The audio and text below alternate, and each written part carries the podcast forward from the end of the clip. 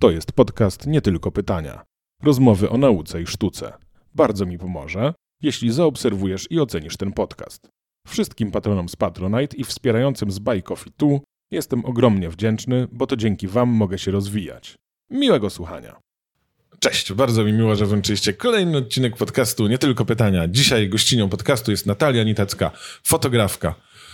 Na czym polega konkretnie twoja fotografia i czym się różni? O, słuchajcie, być może teraz usłyszeliście mm, klakson, ponieważ jest... Nie, nie zamykaj, nie zamykaj. Mamy teraz uchylone okno, ale to, y, To jest tak będziecie ciepło. musieli... Tak, tak. Nagrywamy w zimie, ale w sumie jakoś jest gorąco. y, Kaloryfer niepotrzebnie rozkręciłem, więc czym się różni twoja fotografia od fotografii takiej typowej? Jakby czym się charakteryzuje to, co robisz? Tym się charakteryzuje, że dla mnie nie jest najważniejsze, żeby zdjęcia były piękne i nieskazitelne i idealne. Dla mnie ważniejsze jest, żeby osoba, która przychodzi na sesję, czuła się dobrze, żeby zobaczyła siebie z innej perspektywy niż zazwyczaj i żeby spojrzała na siebie tak łaskawiej, tak? W sensie ważny jest dla mnie komfort i właśnie no efekt też, ale to jest jedna ze składowych. Czyli, jak tutaj można się domyślić, nie, nie jesteś taką fotografą, która fotografuje śluby albo pejzaże, krajobrazy, tylko robisz sesje y, ludzi, tak? Tak, fotografuję ludzi. Często właśnie to są ludzie, mm, no tak jak się nie widzimy. To znaczy, to są często właśnie sesje intymne, gdzie jest dużo ciała. E, I przychodzą do mnie nie tylko właśnie modelki, wręcz większość to są takie, że tak powiem, zwykli ludzie, którzy właśnie, nie wiem, nie poświęcają może dużo czasu na ćwiczenia na siłowni, tylko raczej e, gdzieś tam to ciało właśnie nie jest instagramowe, nie jest idealne, a, a chcą po prostu spojrzeć na nie takim przyjaznym okiem, tak? Tak sobie trochę pocelebrować siebie, nie? W sensie Tak. spojrzeć tak, kurczę, też jestem ważny, mogę być w centrum y, sesji zdjęciowej. Tak, to też jest super właśnie, że, że nagle jest y, na, na tej osobie, jest, ona jest najważniejsza właśnie, nie? Że y, czasem, rza- rzadko jesteśmy w takiej roli, że, że jesteśmy ważni. No, to jest, to jest mega przyjemne. Ja mam podobne doświadczenie, jak prowadzę ten podcast i często przychodzą goście do podcastu zestresowani, zwłaszcza jak ktoś na przykład rzadko występuje przed mikrofonem czy przed kamerą i często goście są zestresowani. I w 100% przypadków potem mówią, że było super i że, dobra, nie w 100%, to mi przychodzi do głowy dwie osoby, które były zestresowane nawet po, Mhm. e, ale, ale poza tym, no, tych nagrań tam ponad 100 było, chyba ze 130 odcinków No właśnie, już. może, może jeszcze ci mówią, że będą, będzie z nimi trudno, to do mnie też Mhm, przychodzą, tak, mówią, tak. oj, będzie trudno, Tak. nie zazdroszczę ci. Yy, I, I właśnie też się stresują, a potem właśnie mówią, że wow, ale wspaniale, nie? No jest taka taka Jest to- ekscytacja czasami u Tak, tych osób i- po, nie? Tak, i wyjście ze strefy komfortu słynne. No to jest wa- ważne, żeby wyjść ze, stre- ze strefy komfortu. Czyli co, ka- każesz ludziom robić rzeczy, których oni nie chcą robić? Y, Nie, no staram się, żeby to nie robić nic wbrew, wbrew tej osobie. Y, No ale czasem gdzieś tam właśnie staram się też budować tą atmosferę, m, więc jest trochę wygłupów, czy wiesz, żeby było tak się zrobiło swojsko, żeby trochę skrócić dystans i żeby to nie było takie oficjalne bardzo. Wejdźcie sobie w ogóle y, teraz, jak słuchacie naszej rozmowy, y, w opis tego odcinka i tam jest link do profilu Natalii. Zobaczycie zdjęcia, o czym mówimy, bo one są bardzo specyficzne. Ja nie za bardzo kojarzę tego typu mm, taką działalność y, fotograficzną. Bo to jest też jakieś takie niesamowite, że tam właśnie u ciebie, tak jak mówisz, jest dużo ciała, dużo nagości, ale zupełnie nie w sensie erotycznym. Nie, bo twoje sesje nie są sesjami erotycznymi, tylko takimi celebrującymi siebie, nie? To znaczy, mogą też być erotyczne, yy, ale rzeczywiście jakoś tam no, na Instagramie jest tego mniej, no bo to nie jest miejsce, żeby wrzucać takie rzeczy, tak? No bo na Instagramie mamy też osoby niepełnoletnie na przykład. No tak. No ale gdzieś tam, nie wiem, mam konto na FetLife, gdzie, gdzie właśnie można już bez cenzury publikować, więc trochę to jest wtedy inny materiał. Jak to się rozkłada procentowo y, i, i większość osób się zapisuje do ciebie na sesje takie bardziej erotyczne czy mniej erotyczne? Nie, nie, takie raczej powiedzmy właśnie sensualne, delikatne, to jest głównie moja działalność. No bo ja widzę taki jakiś duży empowerment w tym, jak, jak sobie wyobrażam, Mhm. właśnie często są osoby, które nie wpisują się w te takie stereotypy piękna i pewnie nie wiem, mogłyby mieć kompleksy, bo wiadomo, każdy może mieć kompleksy, a tutaj mhm. jesteś w centrum tego, to jest przyjemne, tak, myślę tak. bardzo. Mhm. Dla ciebie to jest przyjemne, jak widzisz, że komuś tak umożliwiasz od, otwarcie się? No mega, nie no, ja w ogóle się bardzo jaram i szczególnie, że to właśnie no, mam wrażenie, że w każdym widzę coś pięknego i często osoba, która przychodzi właśnie nie zawsze to w sobie widzi, a, a na tych zdjęciach sama widzi efekt i właśnie ja nawet nie muszę jakoś nic mówić, tylko, tylko te zdjęcia mówią, tak? I właśnie i ona ma takie wow, no nie wiedziałam, że tak super wyglądam, tak? I, i to nie jest tak, że nie wiem, to jest Photoshop, tylko po prostu naprawdę wyglądamy spoko i po prostu jesteśmy dla siebie często surowi niepotrzebnie. To prawda. Ja też dla siebie jestem surowy często, więc rozumiem. A jak ty w ogóle zaczęłaś e, fotografować? Jak, jak to się u ciebie... Jak zaczęła się twoja przygoda z fotografią? Tak się zaczęła, że byłam już mamą i szukałam zleceń. Trochę pracowałam jako graficzka komputerowa, ale tych zleceń właśnie nie było i też czułam, że nie do końca mnie to kręci, ta, ta grafika. No i, a że miałam aparat, byłam po studiach artystycznych, miałam doświadczenie już takie, że na przykład sama na studiach sobie robiłam portrety yy, i dyplom, to były grafiki na podstawie fotografii, czyli no trochę już gdzieś... I właśnie tam też było ciało, yy, jakoś tak mnie ten związek emocji, ciała, zawsze mnie to jakoś interesowało i żeby pokazać emocje na zdjęciach, to było dla mnie ciekawe, no więc, yy, więc pomyślałam, że to jest fajny pomysł, żeby spróbować fotografii, że to powinno być łatwe i że na pewno jakoś myślałam, że będę szybko miała te zalecenia. Okazało się, że to nie jest taka prosta sprawa, żeby, żeby tych klientów do siebie przekonać. No ale, że tak powiem, miałam bardzo dużo zapału i, i jakoś mnie to wiesz, miałam dużo frajdy też z tego, że czytam, nie wiem, dowiaduję się, jak się promować i tak dalej, jak to rozkręcać wszystko. I no i się rozkręciło. No już tak chyba 8 lat się kręci. Co to były za studia artystyczne? E, to był kierunek, który się nazywa edukacja artystyczna w zakresie sztuk plastycznych. I więc tam e, to było połączenie i takich przedmiotów artystycznych, typu rysunek, malarstwo, rzeźba, fotografia, grafika, E, jakieś, nie wiem, animacja komputerowa plus przedmioty mm, pedagogiczne. Bo ja trochę miałam takie wrażenie, że jestem jakoś, nie kwalifikuję się na ASP, nie czułam się wystarczająco uzdolniona. Widziałam też mojego bardzo uzdolnionego plastycznie brata starszego, który właśnie świetnie rysował i, i wiedziałam, że ja tak nie potrafię.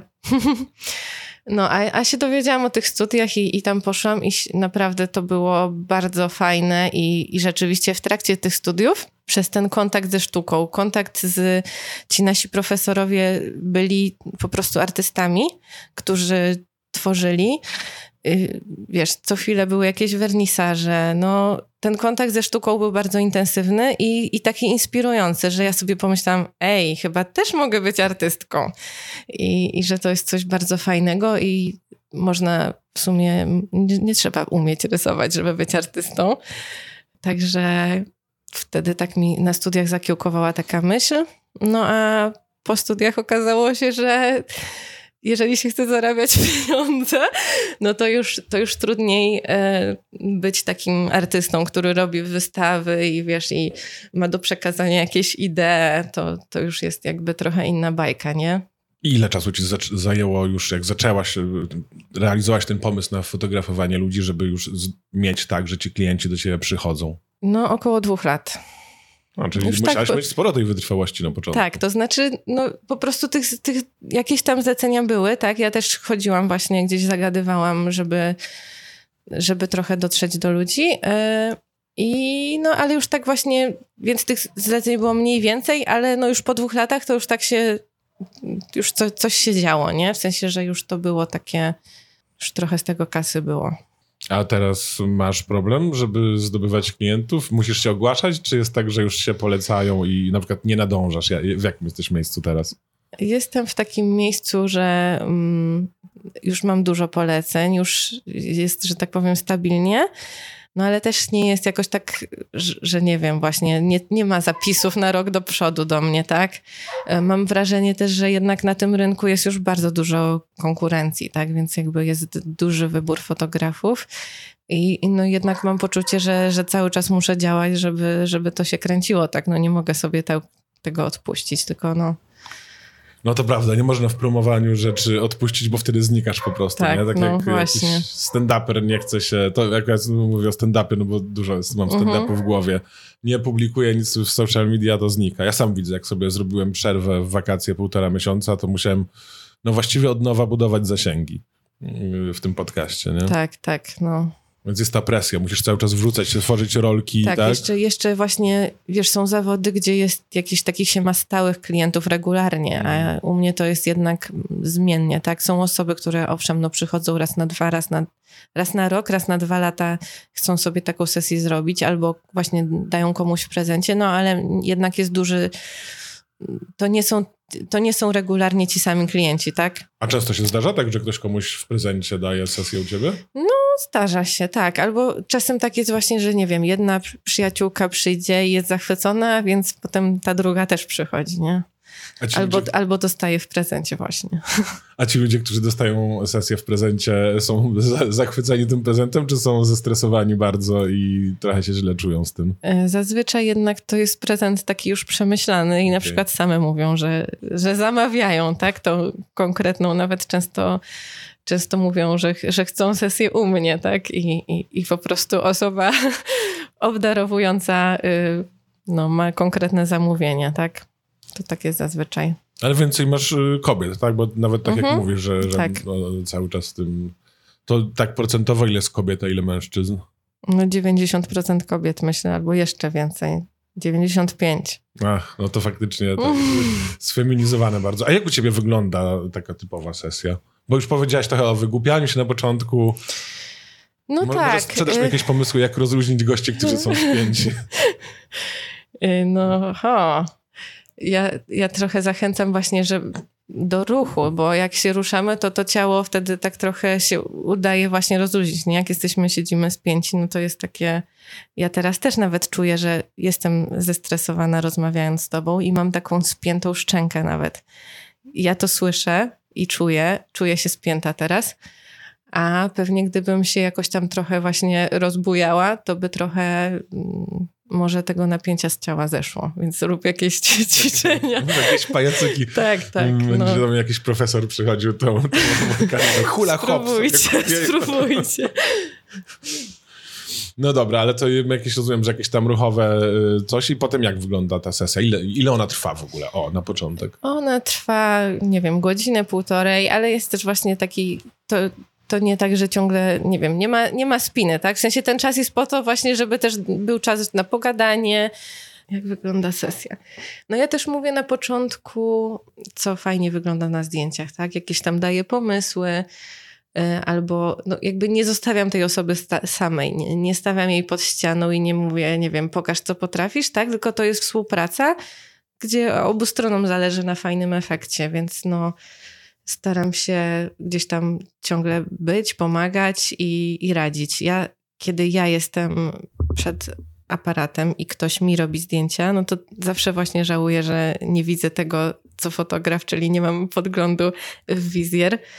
E, więc dlatego mm, staram się właśnie, że jak, nie wiem, jak ja coś widzę typu, a weź teraz gdzieś tam tą, ręką, tą rękę przełóż w inną stronę, no to, to po prostu to mówię, nie? że więc jest ciągle komunikacja, żeby, żeby te zdjęcia wyszły fajne.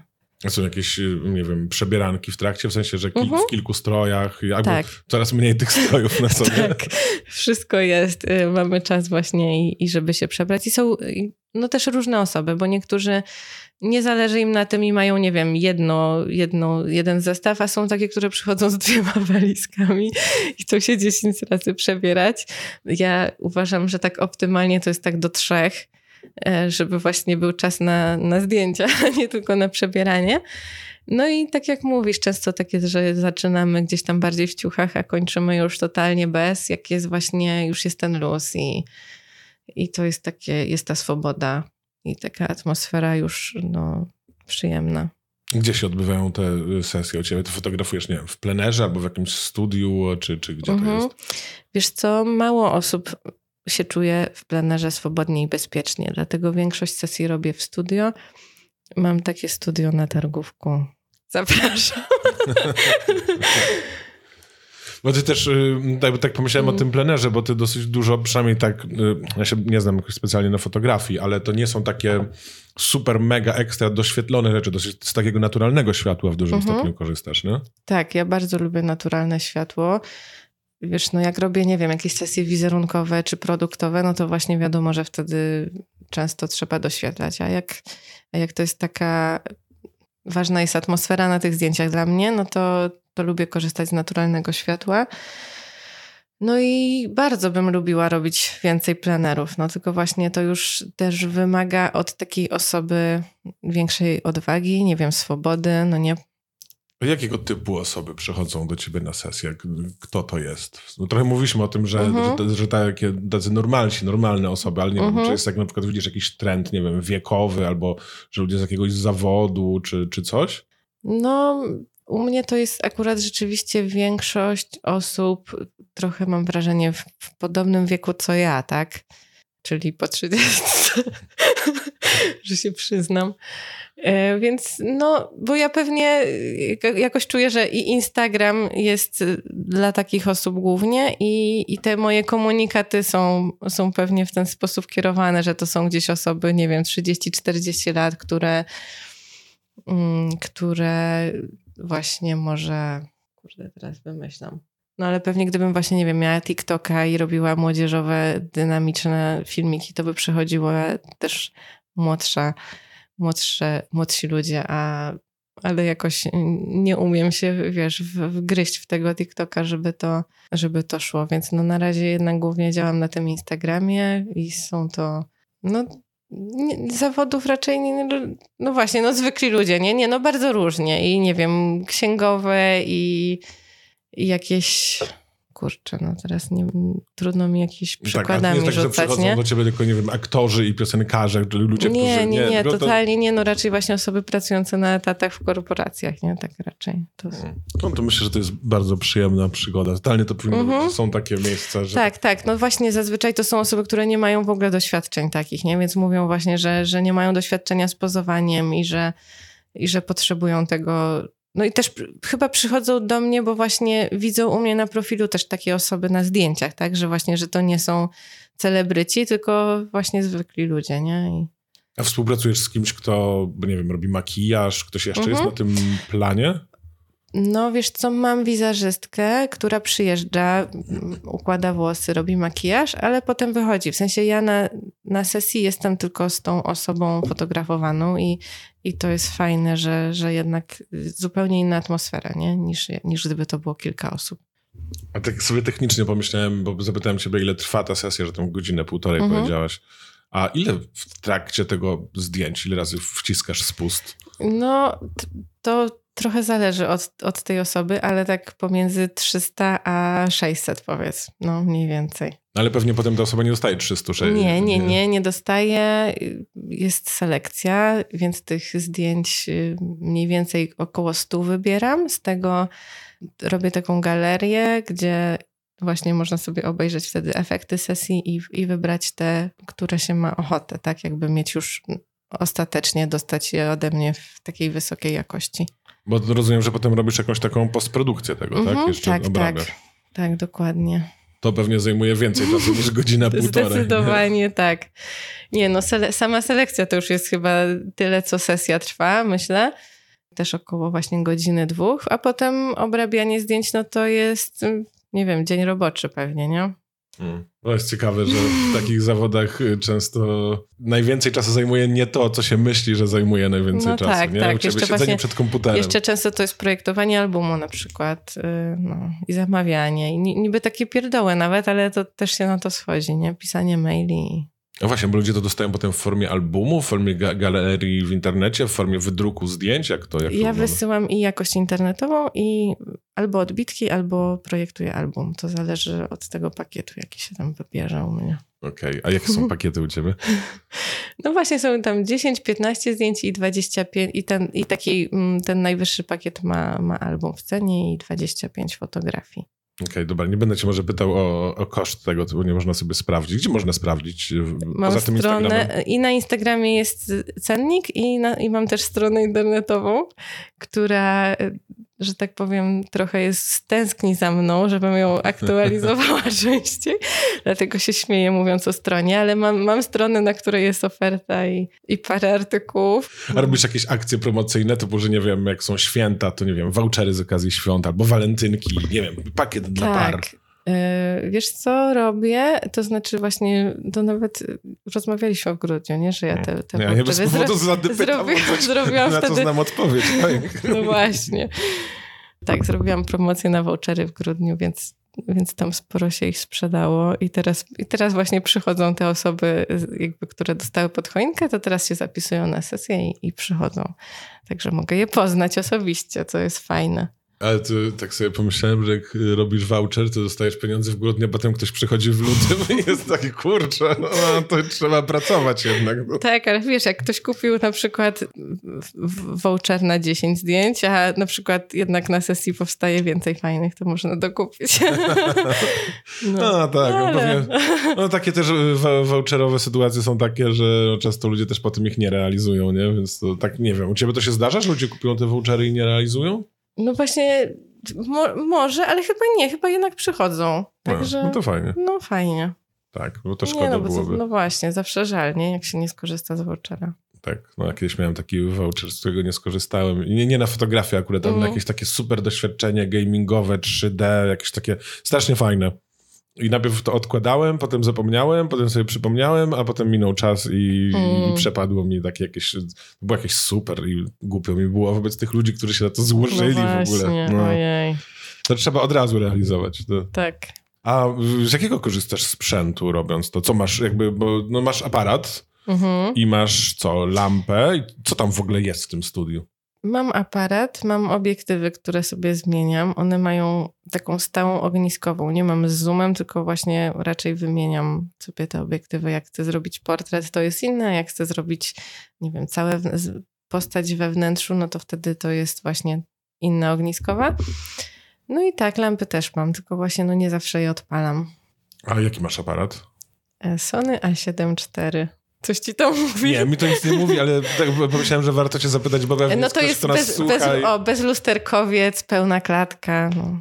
A czym się w ogóle różnią bez W sensie o co chodzi? Z, bo ja nie za bardzo rozumiem o co chodzi uh -huh. z mhm. lusterkowcami bez No była, lusterkowcami. była taka era właśnie tych lusterkowców i ona jakoś, wiesz, zmierzch nastał i, i wkroczyło to Sony z bezlusterkowcami, które są właśnie, no są mniejsze i właściwie mają... Mm, chyba też były cenowo takie atrakcyjne, mam wrażenie, nie? I, i trochę, wiesz, był ten Canon, Nikon i one trochę przespały ten czas, a, a Sony po prostu, wiesz, roz, rozwaliło rynek, nie? I teraz jest najczęstszym aparatem chyba wśród fotografów. Tak, no ja też mhm. korzystałem z bezlusterkowca. Nie znając się, po prostu zrobiłem jakiś mhm. taki research i tam był jakiś Lumix, coś tam. I on był dosyć tani, jeszcze kupiłem używany, a no, no działał spoko. super. I to właśnie, no, dobra bardzo jakość tego wszystkiego no właśnie, była. I, tak, a, tak. a koszt nie był jakiś przerażający. No dokładnie. Chociaż i tak, i tak trochę przerażające. Ale w związku z no. tym, słuchaj, że było używane, to potem jak to sprzedałem, to sprzedałem w tej samej cenie, za którą kupiłem. O, więc... pięknie. No właśnie, no ten mój aparat to kosztował i tak ponad 13 tysięcy. What? Jesus. No właśnie, a słuchaj, a w dodatku obiektywy to potrafią być droższe niż aparaty jeszcze. Boże, przerażające to jest, yy, ile ten cały sprzęt kosztuje. Na szczęście sprzęt do podcastów jest tani, dlatego jest tyle podcastów na świecie. czasami ktoś mnie pyta, to mówiłem ci wcześniej, że czasami ktoś mnie pyta, jaki tam, mhm. że chce zacząć podcast, co mam kupić? I ja wtedy zazwyczaj mówię, że na razie nagrywa się na telefonie. Na pierwsze trzy odcinki ci wystarczy. No właśnie, ale to też wymaga jednak po prostu samozaparcia, żeby, żeby naprawdę ten podcast robić. No to wiesz, no tak. szacun. Aha, no dziękuję, tak. No też trzeba mieć pomysł jakiś no e, często. Ja, czy ja mam jakiś mega niesamowity pomysł? Nie wiem, ale, ale czasami ludzie właśnie odpadają. Większość osób... Ale chodzi też o wytrwałość jednak, no nie? Tak, no, no po tak. prostu. No tak, bo na początku to prawie nikt tego nie słucha i się demotywujesz, a z czasem no. to się zaczyna zbierać, tak. No ale tak samo a jak ty, no, powiedz, ile, ile już tych odcinków nagrałeś, wiesz? Bo nie numerujesz, widziałam, właśnie tak. nie mogłam sprawdzić nie tak łatwo. Nie, nie numeruję, bo uważam to numerowanie za zbędne. Mhm. Wiem, że dużo podcastów numeruje, a ja się zastanawiam zawsze po co. Może ktoś napisze jeszcze w komentarzu. Robią sezony czy coś, nie? No tak, bo ja nie robię też sezonów. Mhm. No to e, powiedz, ile masz odcinków. E, wiesz co, ostatnio mnie pytał o to Sebastian Rejentek był u mnie i wtedy wyszło, że jakieś 120, mhm. Ale potem policzyłem, że jest więcej, więc tak jakieś 130, 130 parę odcinków łącznie nagrałem, ale tam było parę ze dwa, których nie opublikowałem, jakieś były ze dwa, które usunąłem, mhm. no i tam jeszcze jakieś rozmowy przy okazji różnych innych rzeczy robiłem, więc... E, mhm. Teraz też pracuję nad osobnym podcastem, ale to tajemnica, więc nie, nie mogę powiedzieć. Dobra. Przynajmniej e, na antenie. A może jakąś taką sesję, która ci szczególnie utkwiła w pamięci? Wiesz co, no tak, trudno mi teraz może przywołać, ale mm, było, było kilka takich sesji. Pamiętam y, taką, gdzie, gdzie zgłosiła się do mnie dziewczyna, która miała zdiagnozowanego raka piersi no i właśnie chciała zrobić sobie zdjęcia jeszcze przed operacją po prostu, nie? Także zrobiłyśmy sesję. Ona już nie miała wtedy włosów, bo była po jakiejś chemioterapii. No i rzeczywiście ten jej biust to była taka sesja pożegnalna, no. Pożegnalna z biustem, ale na szczęście właśnie nie z życiem, nie? Że mhm. przeżyła i tak dalej. No ale no, no to są już takie emocjonalne, a ja jestem emocjonalna, więc, więc, więc takie rzeczy zapamiętuję szczególnie. A, a, czy są, bo też się tak zastanawiam, czy są jakieś takie historie nie, niezręczne albo niestosowne, w związku z tym, że gdzieś tam te twoje zdjęcia no, są albo erotyczne mhm. właśnie, albo często celebrujące własne ciało, no to też sobie wyobrażam, że mogą powstawać niezręczności czasami. W trakcie sesji? Mhm, albo po sesji. E, po sesji to może nie, ale rzeczywiście... Mm... No i dzięki temu, że większość to jednak właśnie kobiety, to nie ma tych sytuacji ale no, muszę być czujna, szczególnie kiedy pisze mężczyzna. Przykro mi, moi drodzy, to mówić, ale, ale jest większe ryzyko wtedy gdzieś tam podejmuję, zgadzając się na taką sesję. No i czasem właśnie już na etapie umawiania się na sesję mogę wyczuć, z kim mam do czynienia. I, i właśnie jeżeli czuję, że coś, coś tu wygląda nie do końca dobrze, po pierwsze, często te osoby w ogóle się nie decydują, tylko chcą sobie pofantazjować i popisać z fotografką o nieprzyzwoitych rzeczach. Już samo no. pisanie jest dla nich interesujące I, i właśnie nawet często nie, nie dochodzi do, do ustalenia terminu sesji.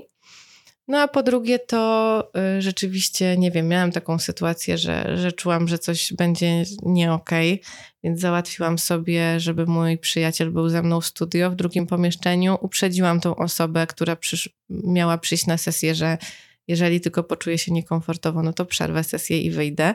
No i ja byłam zestresowana tym, jakby szczęście w nieszczęściu, że ta osoba też była zestresowana i nie przekraczała tych granic, ale bo widziałam, że jest po prostu cała spięta. Mhm. I, no i gdybym, jakby, gdybym ja się czuła bezpiecznie, jak zazwyczaj jest, to starałabym się tą osobę właśnie rozluźnić no, ale, i skrócić dystans, nie? Ale mhm. no właśnie to była sytuacja, kiedy ja czułam, że nie chcę tego robić, bo, bo po prostu już wtedy ta osoba to odbierze jako jakieś tam, wiesz, przyzwolenie. E, więc zrobiłam te zdjęcia tak, no, zachowując profesjonalizm. Tak, wykonałam usługę, ale no właśnie z, z dystansem po prostu, nie? Żeby jakoś tam nie dopuścić do, do tej sytuacji jakiejś, no, niekomfortowej.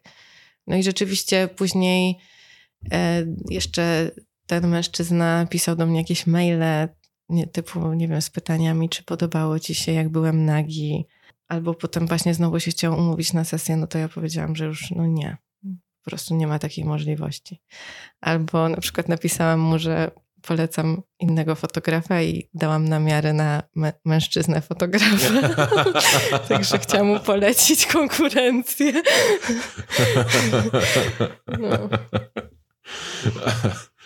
E, właśnie powiedzieć o tym, że sobie lubią popisać, y, może niektórzy tylko popisać y, tak właśnie nie, tak nieprzyzwoite tematy, tak sobie mm -hmm. piszą. A co byś powiedziała, gdyby ktoś w, w ogóle taki zarzut zrobił wobec twoich fotografii, że to są jakieś y, nie, nieprzyzwoite rzeczy, którymi się zajmujesz? Wiesz co, no ja przez to, że byłam w środowisku religijnym, to ja już sobie po prostu x godzin mieliłam w głowie te różne rzeczy, tak? To znaczy, może nawet nikt mi wprost nie mówił, albo niewiele osób, tak? Ale właśnie trochę już rozmawialiśmy sporo o, o tym kościelnym wajbie, że to dużo trzeba sobie w głowie samemu przepracować i przerobić.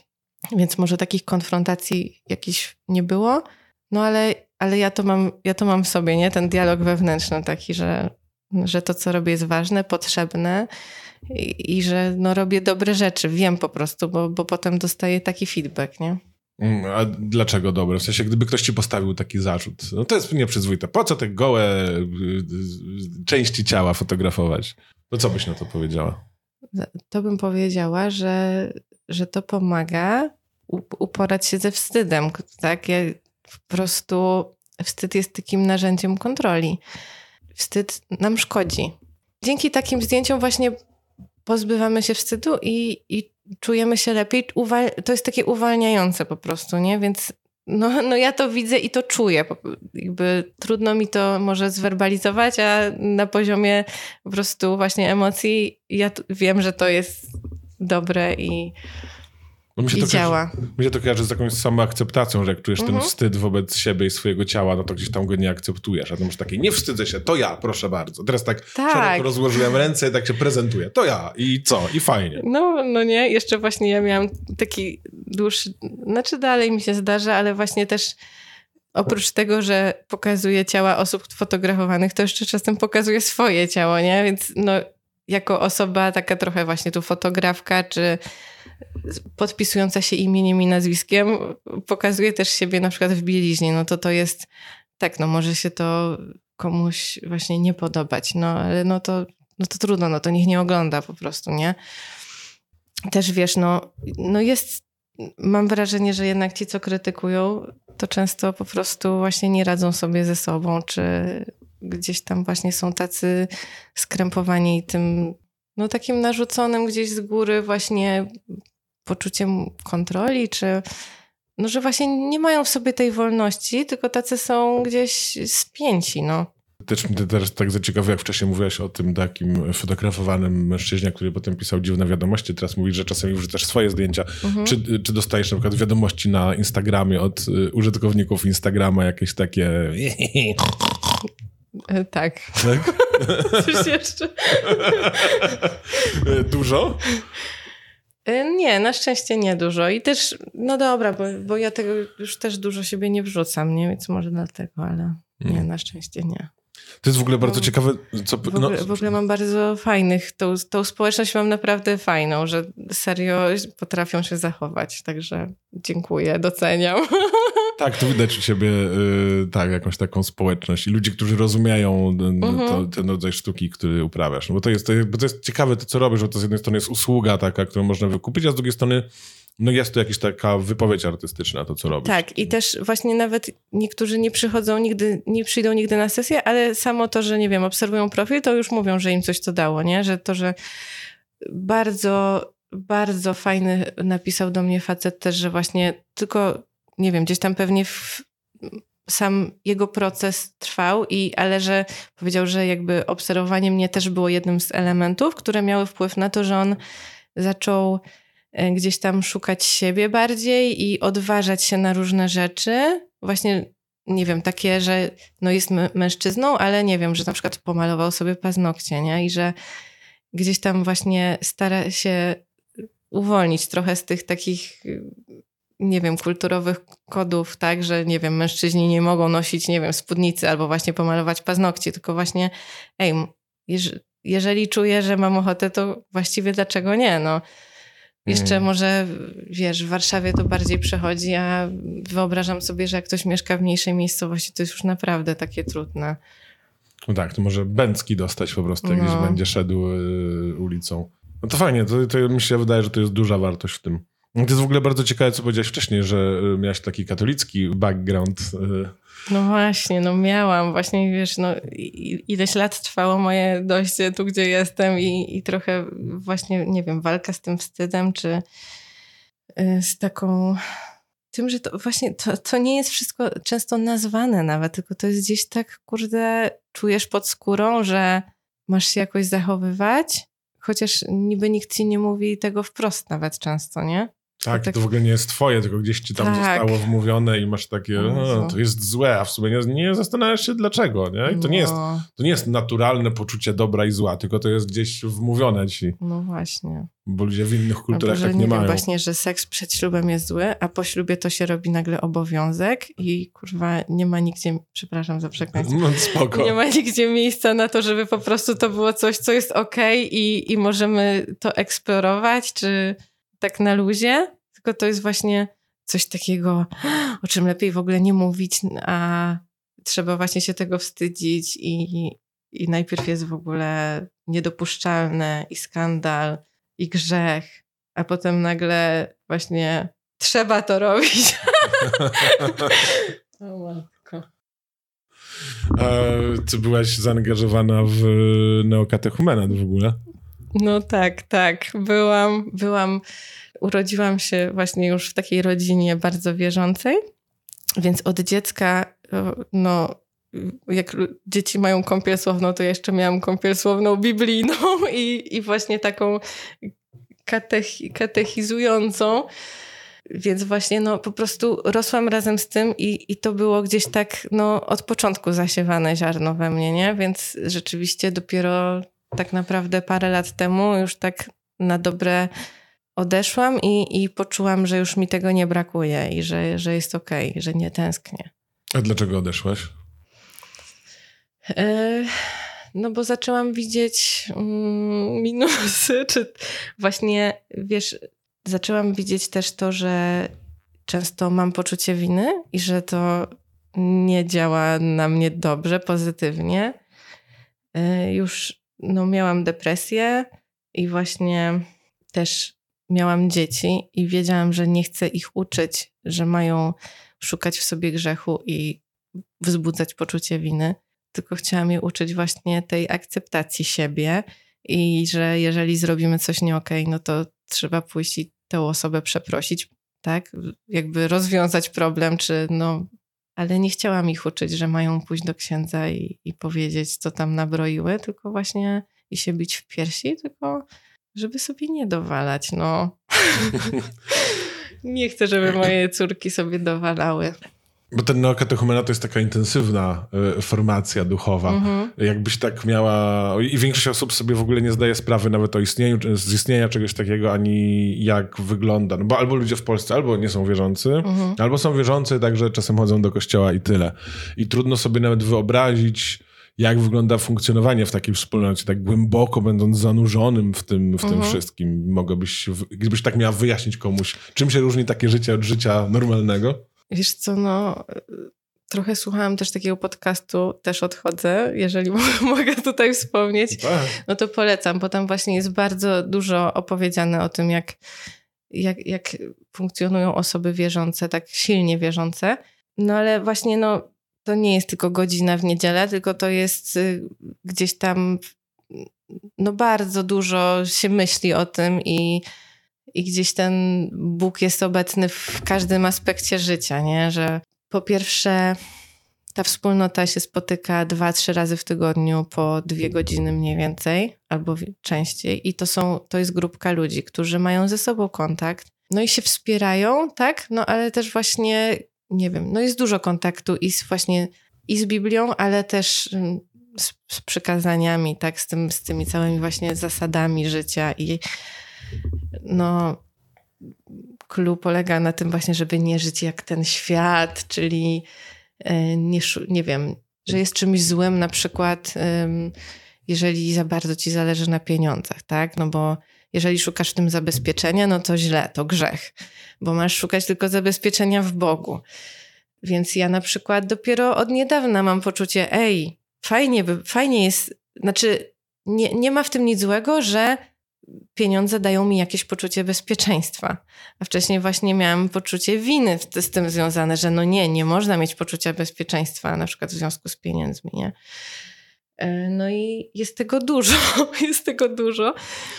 Więc ja dopiero po 30 e, gdzieś tam e, próbuję sobie na nowo ułożyć jakiś mój kodeks wewnętrzny, tak? Czyli właśnie no, chcę być w porządku wobec, nie wiem, innych ludzi, ale załóżmy, no już jednak to, co Kościół mówi, że jest grzechem, to ja teraz nie uważam, że jest grzechem, tak? W sensie już może też cała idea grzechu już jakoś mi nie pasuje generalnie. W sensie już nie, już nie chcę tak w ogóle życia rozkminiać, nie? I moich czynów. Czynów, kurwa, już zaczynam mówić tym językiem, masakra. myśli uczynków y, i zaniedbań. zaniedbania. No tak, już, już się chce bić w piersi od razu, Boże. No tak, i poszukiwać Mas grzechów sobie cały masakra, czas. Masakra, no. No nie, nie, nie. No to jest też trochę taki osobny język, który jest w ogóle w neoka... Tak, tak, kościelny tak. język jest osobny, ale neokatuchomenat ma też osobny język wobec osobnego języka kościoła, nie? Nie ma księdza, tak. jest presbiter, nie ma mszy, jest Eucharystia. To, to jest tak, wszystko, tak. wszystko osobne. A czy to jest tak, że ten cały neokatechumenat. Mówisz o takim naprawdę y, oddzieleniu od normalnego życia. Trochę gdzieś tam to brzmi jak jakieś poczucie wyższości w pewnym sensie, że my nie możemy być tacy jak inni. Wiesz co, no to jest trochę... To ma jakieś, myślę, elementy sekty tak w ogóle, tak? No ale, no tak, no nie, nie czujesz się jakby... Jest, jest trochę tak, że właśnie osoby wierzące, czy osoby we wspólnotach neokatechumenalnych, nie wiem, versus świat, w sensie no tak, tutaj chodzimy do pracy, ale jednak myślimy o zbawieniu i życiu wiecznym i tu wszystko marność i mm, a, no i ważne jest poczucie misji, niesienie swojego krzyża, tak, nie, nie, nie, nie jest, jakby nie chodzi o to, żeby być teraz szczęśliwym i szukać szczęścia, nie, chodzi o to, żeby widzieć y, cierpienie w swoim życiu, widzieć i, i żeby to nieść ten krzyż, no nie? Jeżeli ci jest źle w małżeństwie, no nieść ten krzyż. Nie, nie możesz się rozstać, bo to by był grzech czy coś. W sensie... Fajnie. Brzmi bardzo zdrowo. To jest niesamowite. Y, y, nie pamiętam y, kto, czy to mówił ktoś w tym podcaście, czy mi po prostu ktoś to mówił osobiście. Nie, tak, to mi mówił ktoś osobiście, że był w kościele i tak, ale to osoba, która zazwyczaj nie chodzi do kościoła i tak słucha tych kazań i tak dalej, ma takie, ej, tam mówią dokładnie odwrotnie niż trzeba mówić. Tak. Ej, czy nie jest przypadkiem tak, że to dokładnie nie tak, jak powinno być? No właśnie. A czy u ciebie to odejście z tego neokatechumenatu w ogóle wiązało się z utratą wiary w Boga? Wiesz to ja myślę, że już wcześniej utraciłam wiarę w Boga i że mam poczucie, że jest sporo osób praktykujących i niewierzących, tak, no ale chodzą, no bo jakby, no ja też już tak miałam, że już nie czułam, że jakaś jestem wierząca, no ale chodziłam, bo nie wiem, no bo, bo co innego, tak? Bo już nie wiem, bo jak już jestem, no to chodzę. E, a potem przyszła pandemia. E, no i właśnie i zobaczyłam, że, że mi tego nie brakuje po prostu i że, i że właśnie coraz, i że trochę się uwalniam z, od poczucia winy. No i jeszcze poszłam na terapię. No I tam to już w ogóle. Mm. No Jezu, jak teraz słuchajcie, jak ktoś wierzący, to stwierdzi, że najgorsze, co można zrobić w życiu, to pójść na terapię, bo to się tylko od Boga od, odwiedzie. Tak. Nie no, właśnie, nawet wiesz, o, mówiąc tobie, już od razu też mam w głowie takie właśnie, a co jak mnie słucha ktoś wierzący, ja tutaj jakoś się wypowiadam mocno negatywnie. I poznałam też y, niewiele, ale trochę znam osób, które potrafią jakby biorą z kościoła czy z wiary tyle, ile chcą, tak? I są dalej w kościele, no ale nie, nie zgadzają się ze wszystkim. Ja byłam tak jednak, byłam tak nauczona, że po prostu 100%, tak? W sensie, no nie można sobie wybierać, nie wiem, zasad z kościoła, z katechizmu, które, których będę przestrzegać, a z, z, te, które mi nie pasują, no to odrzucam, tak? Więc ja byłam taka właśnie, no, albo wszystko, albo nic. Więc jak miałam urodziłam trzecie dziecko i pomyślałam sobie, że już naprawdę na bank nie chcę czwartego dziecka, no a do tej pory stosowałam się do zasad, czyli nie można stosować antykoncepcji, bo normalnie jest, wiesz, zakaz i nie wiem, któryś papież powiedział, że nie wolno. No więc ja stwierdziłam, dobra, serio, serio, serio, nie chcę czwartego dziecka, więc sorry, ale już decyduję się na antykoncepcję. Więc to jest grzech, którego ja nie żałuję, więc nie mogę pójść do spowiedzi, bo nie spełniam warunku spowiedzi, jakim jest żal za grzechy i postanowienie poprawy, bo ja nie postanawiam poprawy, więc nie mogę iść do spowiedzi, nie mogę iść do komunii. Trochę nie ma sensu, żebym szła na mszę, już miałam takie poczucie, nie? Więc już trochę sobie zaczęłam wszystko jakby odpuszczać, bo Dlaczego? Bo nie, Kościół mnie nie chce trochę, tak? Takie miałam poczucie, że trochę jestem już niechciana, bo, bo nie chcę mieć czwartego dziecka, nie? Trochę absurdalne. Ale jakoś tak nie umiałam tego, wiesz, stwierdzić sobie, ha, ale to będę sobie po cichu właśnie stosować tą antykoncepcję, ale będę sobie, nie wiem, chodzić do komunii. No, no jakby nie, nie skleiło mi się to, nie? Uśmiecham się trochę, bo znam osoby związane bardzo z neokatechumenatem, które z tego co wiem, w ogóle mają dużo pieniędzy, więc tam to, co mówiłaś, to coś tu się nie, nie klei, ale... Yy, ale może na nich nie polegają, może, może wiesz, na nich nie polegają, może to tak. nie jest ich bożek, może tak, także tak. spoko.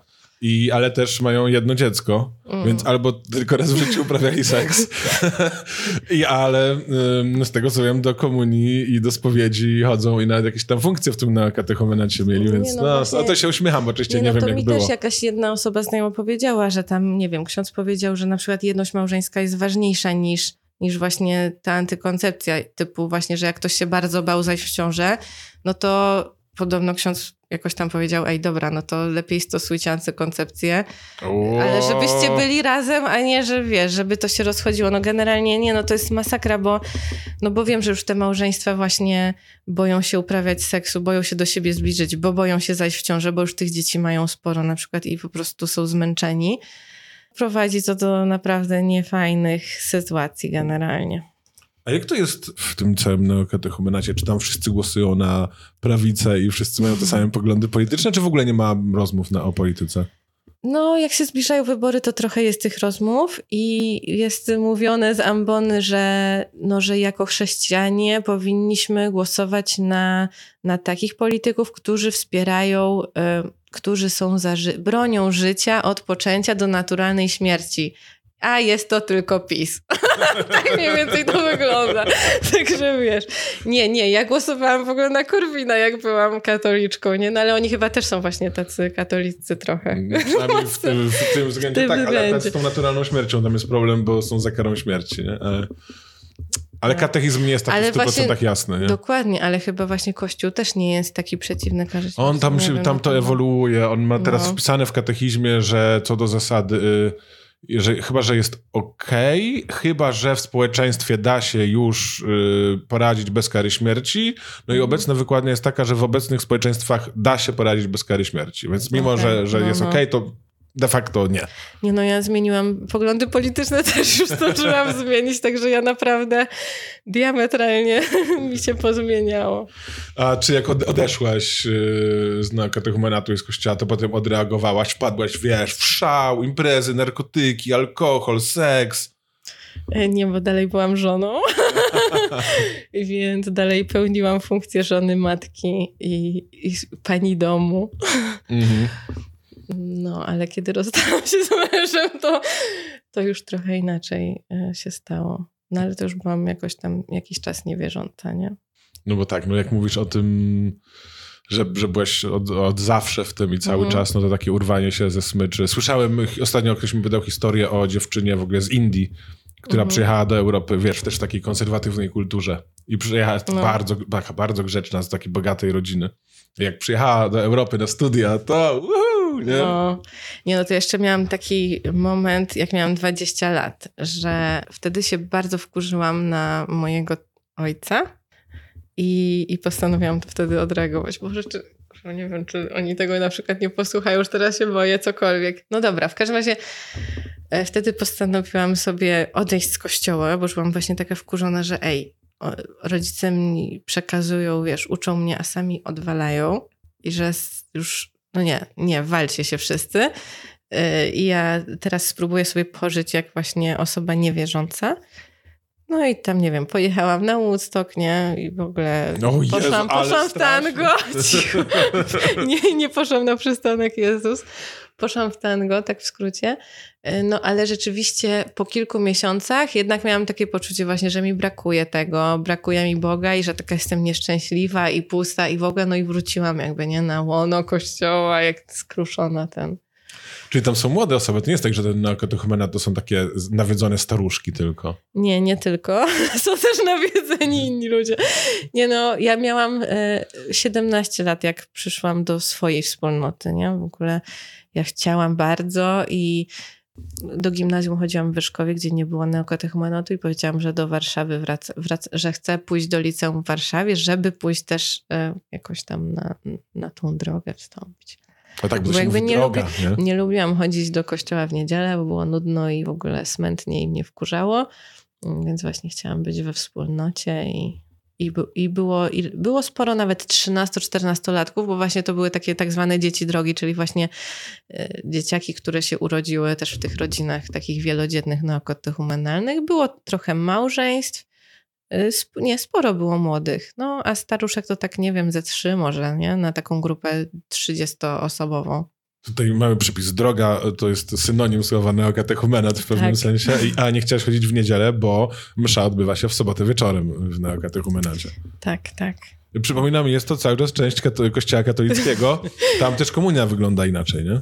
No tak, jest pod dwiema postaciami, więc jest taki, taki jak to mówiłeś, dobry chlebek i, i tak. winko. Bardzo dobry jest ten chlebek, bo sam, sam, sami A ludzie wino go pieczą. jakie dobre. No wino też jest dobre tam, no. no. I dzieci też. A teraz bluźnimy mu, nie mówiąc, że to jest ciało i krew.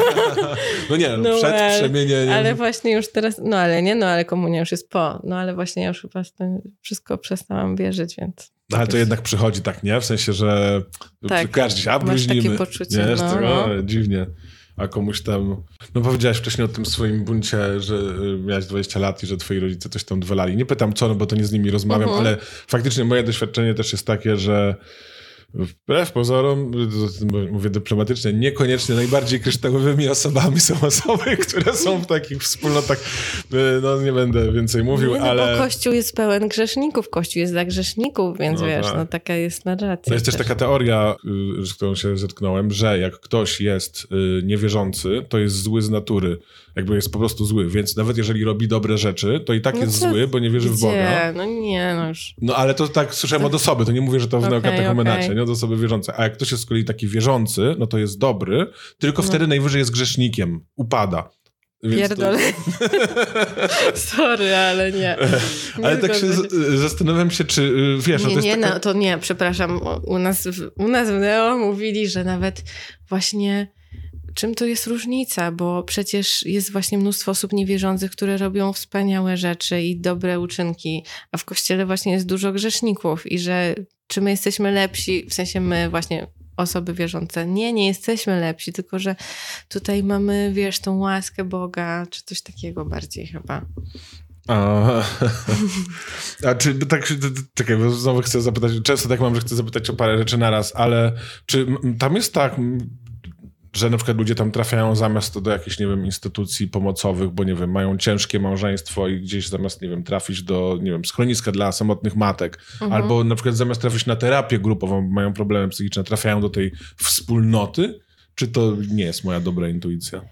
Wiesz co, też na pewno osoby, którym jest trudno, szukają, tak? Szukają pomocy w różnych miejscach, no i oczywiście też, traf- też przychodzą do kościoła, no ale z drugiej strony chyba można by zaryzykuję stwierdzeniem, że każdemu z nas przydałaby się terapia, czy grupowa, czy jakaś inna, więc no... Rozumiem. Dobra, a czy, bo za terapię się płaci, a za to się coś płaci? Są tam jakieś opłaty w zabycie w tym? E, nie, nie, nie ma opłat, no jest tylko takie właśnie, nie wiem, co łaska, tak? W sensie jak niedziel, na niedzielnej mszy też ksiądz chodzi i zbiera na tacę, nie? Więc mhm. raczej coś takiego. Tam nawet się spotkałem z takim zwyczajem, że każdy wkładał rękę do worka i nie było widać i nawet ten, kto nic nie dawał i tak wkładał rękę, żeby nie było widać, kto ile tam wrzuca. Nie, to no, tak czasami jak jest zwykła taca, to mhm. ludzie tak dumnie rzucają 200 zł. Tak, nie, no to tu jest worek, żeby, nie, żeby właśnie nie karmić pychy, tylko że to ma być, mhm, to ma być ukryte, tak. Ech, piękne. A czy jest tak, jeszcze jak, jak wspominaliśmy o tej sekcie, już nie chcecie tak długo, zaraz skończymy ten temat tego neokatechumenatu, ale to mnie ciekawi, bo taką też typową... Yy, elementem sekty. Ty mówisz, że jest to trochę podobne, ale to nie brzmi jakby to była jednak w 100% taka typowa sekta. Ale czy w neokatechumenacie są jakieś jakby kolejne levele wtajemniczenia? Są, a co w sektach też tak jest? No totalnie tak, to jest jedna a, z tych no rzeczy. widzisz, bo ja nie czytałam właściwie definicji sekty. To jest jedna może... z takich typowych rzeczy, ale jeszcze to jest ważne, że one są sekretne, że nie wiesz, co jest tak, tu w kolejnym levelu. No to tu tak jest. Tak? I nie możesz mówić oczywiście. I ci z wyższych leveli nie mogą powiedzieć tym niżej. I generalnie jak właśnie jesteś na jakimś etapie, to się nazywa etapy, no to właśnie masz nikomu nie mówić tego, nie? W sensie, że ja teraz, no ja już wyszłam, więc mam to w nosie, ale, ale teoretycznie nie powinnam mówić. Tak, no tam jest nawet ten taki etap, o którym nigdy nie mówią, y, że się chodzi w parach po mieszkaniach i nawraca ludzi, jak tak. Świadkowie Jehowy to zupełnie. ja ci to mówiłam, nie? Y, bardzo Chyba... możliwe, ja i tak o no tym właśnie, wiedziałem. I, nie? I, I wtedy ja zostałam właśnie wydalona ze wspólnoty, to znaczy mi powiedzieli, że mam przestać przychodzić, dlatego że ja byłam w małżeństwie, gdzie ja byłam we wspólnocie, mój mąż nie był, więc miałam mieć misję domową i spędzać czas z mężem i nie mogłam w ogóle przychodzić do wspólnoty przez 2-3 lata. Więc jeżeli wcześniej przez 12 lat tam przychodziłam regularnie, no to jakby nagle mi mówią wypad z baru. Także trochę słabe. To nieprzyjemne bardzo. Nieprzyjemne, no nieprzyjemne, szczególnie, że właśnie byłam wtedy w takim mega trudnym okresie dla moje, w moim życiu. Właśnie ta trzecia ciąża to był taki Jezu, Niespodzianka. Ale to w ogóle też jakie ten, tak sobie myślę na paru levelach, w sensie, że kurczę, jesteś człowiekiem zaangażowanym i nagle ci mówią nara, no, no. ale też y, masz... Y, w dodatku jak ty mówisz, ej, jest mi teraz trudno, a oni mówią, no, no trudno. No właśnie, nieś, nieś, nieś, swój krzyż, ale też tak sobie myślę, że z punktu widzenia, nie wiesz, nie, nie, nie będziemy omawiać twojej konkretnej relacji, mm. nie? Ale jest, jest, małżeństwo ma prawo do tego, że ktoś jest wierzący, a ktoś nie. Jest pełne prawo do tego, że mąż może być niewierzący. Nie, ale do nieba się idzie parami w no, małżeństwie, no, więc już kurde, wiesz. błagam. I tak teraz, kurczę, zobacz, jakie to jest, y, y, wyobraź sobie totalnie, ten, jakie to jest świństwo wobec tego męża, że teraz jakby jakaś y, religijna organizacja nakazuje, że teraz ta żona ma wracać do domu i zamiast angażować się we wspólnotę, w którą była mocno zaangażowana, ma całą tę energię na trucie dupy i zawracanie głowy mu tutaj spożytkować i na nawracanie go. Jemu nie, nikt nie, nie, nie, no, nie, nie, to nie było tak, że ja mam go nawracać i i w ogóle jak ty mówisz, że truć dupę? nie trułam dupy. Ja nie mówię, że ty tak robiłaś, no ale jeżeli ci no, mówią, że wiesz, nie, nie. masz nie chodzić po mieszkaniach, nie, nie, tylko misję domową. że po prostu mamy spędzać razem miło czas, że jakoś mieć randkę czy coś, więc jakby A, nie, okay, że, no nie, że mam mu pra prawić kazania, no nie. A, no dobra, no to, to dobra, to dużo lepiej. Tylko, że ja byłam zaskoczona tym, że jak, y, nie wiem, wspólnota się spotykała w poniedziałki, żeby chodzić po domach, w czwartki i w soboty się spotykała na liturgię we wspólnocie, no to ja myślałam, że usłyszę, y, bo ja usłyszałam plotkę, że będę miała tą misję domową, ale byłam przekonana, że to tylko w poniedziałki nie będę mogła przychodzić, a oni mi powiedzieli, że mam też nie przychodzić ani w czwartki, ani w soboty, po prostu mam zero kontaktu. No to to było dla mnie totalnie dziwne i takie no, dziwne. wykluczające. Mega dziwne. Jakby też to... Chamstwo! No, w sensie trochę Nie kar... bójmy się tego słowa. No, e, karanie jakimś takim ostracyzmem no. za to, że czyjś małżonek tak, jest niewierzący. Nie, nie, no moim zdaniem to była trochę jakaś, nie wiem, forma czy manipulacji, czy że właśnie trochę albo się wykruszę i nara, tak?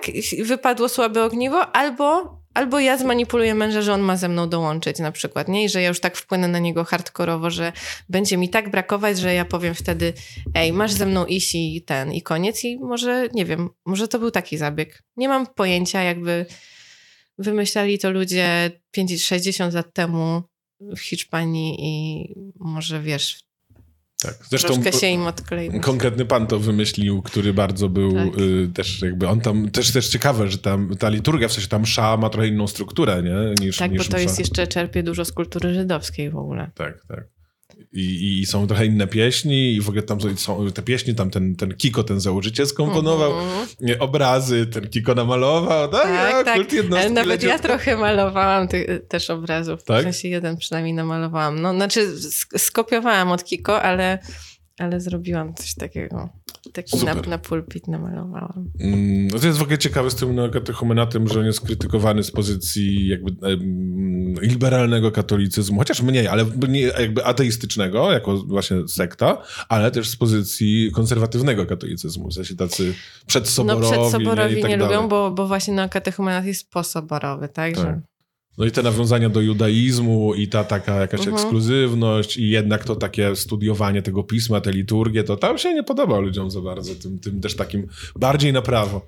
No tak, bo ci bardziej na prawo, no to właśnie chcą, żeby była, nie wiem, hierarchia większa, tak? A tutaj właśnie jest tak bardziej, nie wiem, ta wspólnota jest na równi, czy no nie wiem, no, no w sensie przed soborem była taka bardziej, nie wiem, ten ksiądz był taki na piedestale, tak, noszony na tej, w tej lektyce i było tak bardziej uroczyście i no a w Neo jest tak nie wiem, na luzie bardziej. No tak, w Neo Księża to są super luźne ziomki. To paru poznałem, super kolesie. Swoją drogą, y, tutaj w tym podcaście miałem wywiad z księdzem, który był, jest prezbiterem w Neo Nie, nie wiem, czy obecnie, czy, czy był, ale to też podlinkuję w sumie w opisie tego odcinka wywiad z księdzem, który się zajmuje Tak, tam tym. właśnie, tam można posłuchać może z punktu widzenia wiary i tak, zupełnie inne, tak. zupełnie inne spojrzenie niż twoje. E, pole, polecam. Sorry, ja już jestem bezbożnicą, ladasznicą. Słuchaj, tym optymistycznym akcentem zakończymy. Pozdrawiamy wszystkie osoby wierzące, pozdrawiamy wszystkich tak. bezbożników, wszystkie ladacznice i ladaczników e, oraz słuchaczy podcastu Nie Tylko Pytania. Dziękuję ci Natalia i wam, drodzy słuchacze, bardzo dziękuję i do usłyszenia w kolejnym odcinku. To był podcast Nie Tylko Pytania. Zaobserwuj podcast i oceń ten odcinek. Jeśli chcesz dołączyć do grona patronów na Patronite albo postawić mi kawę na Buy Coffee Tu, linki znajdziesz w opisie. Dziękuję.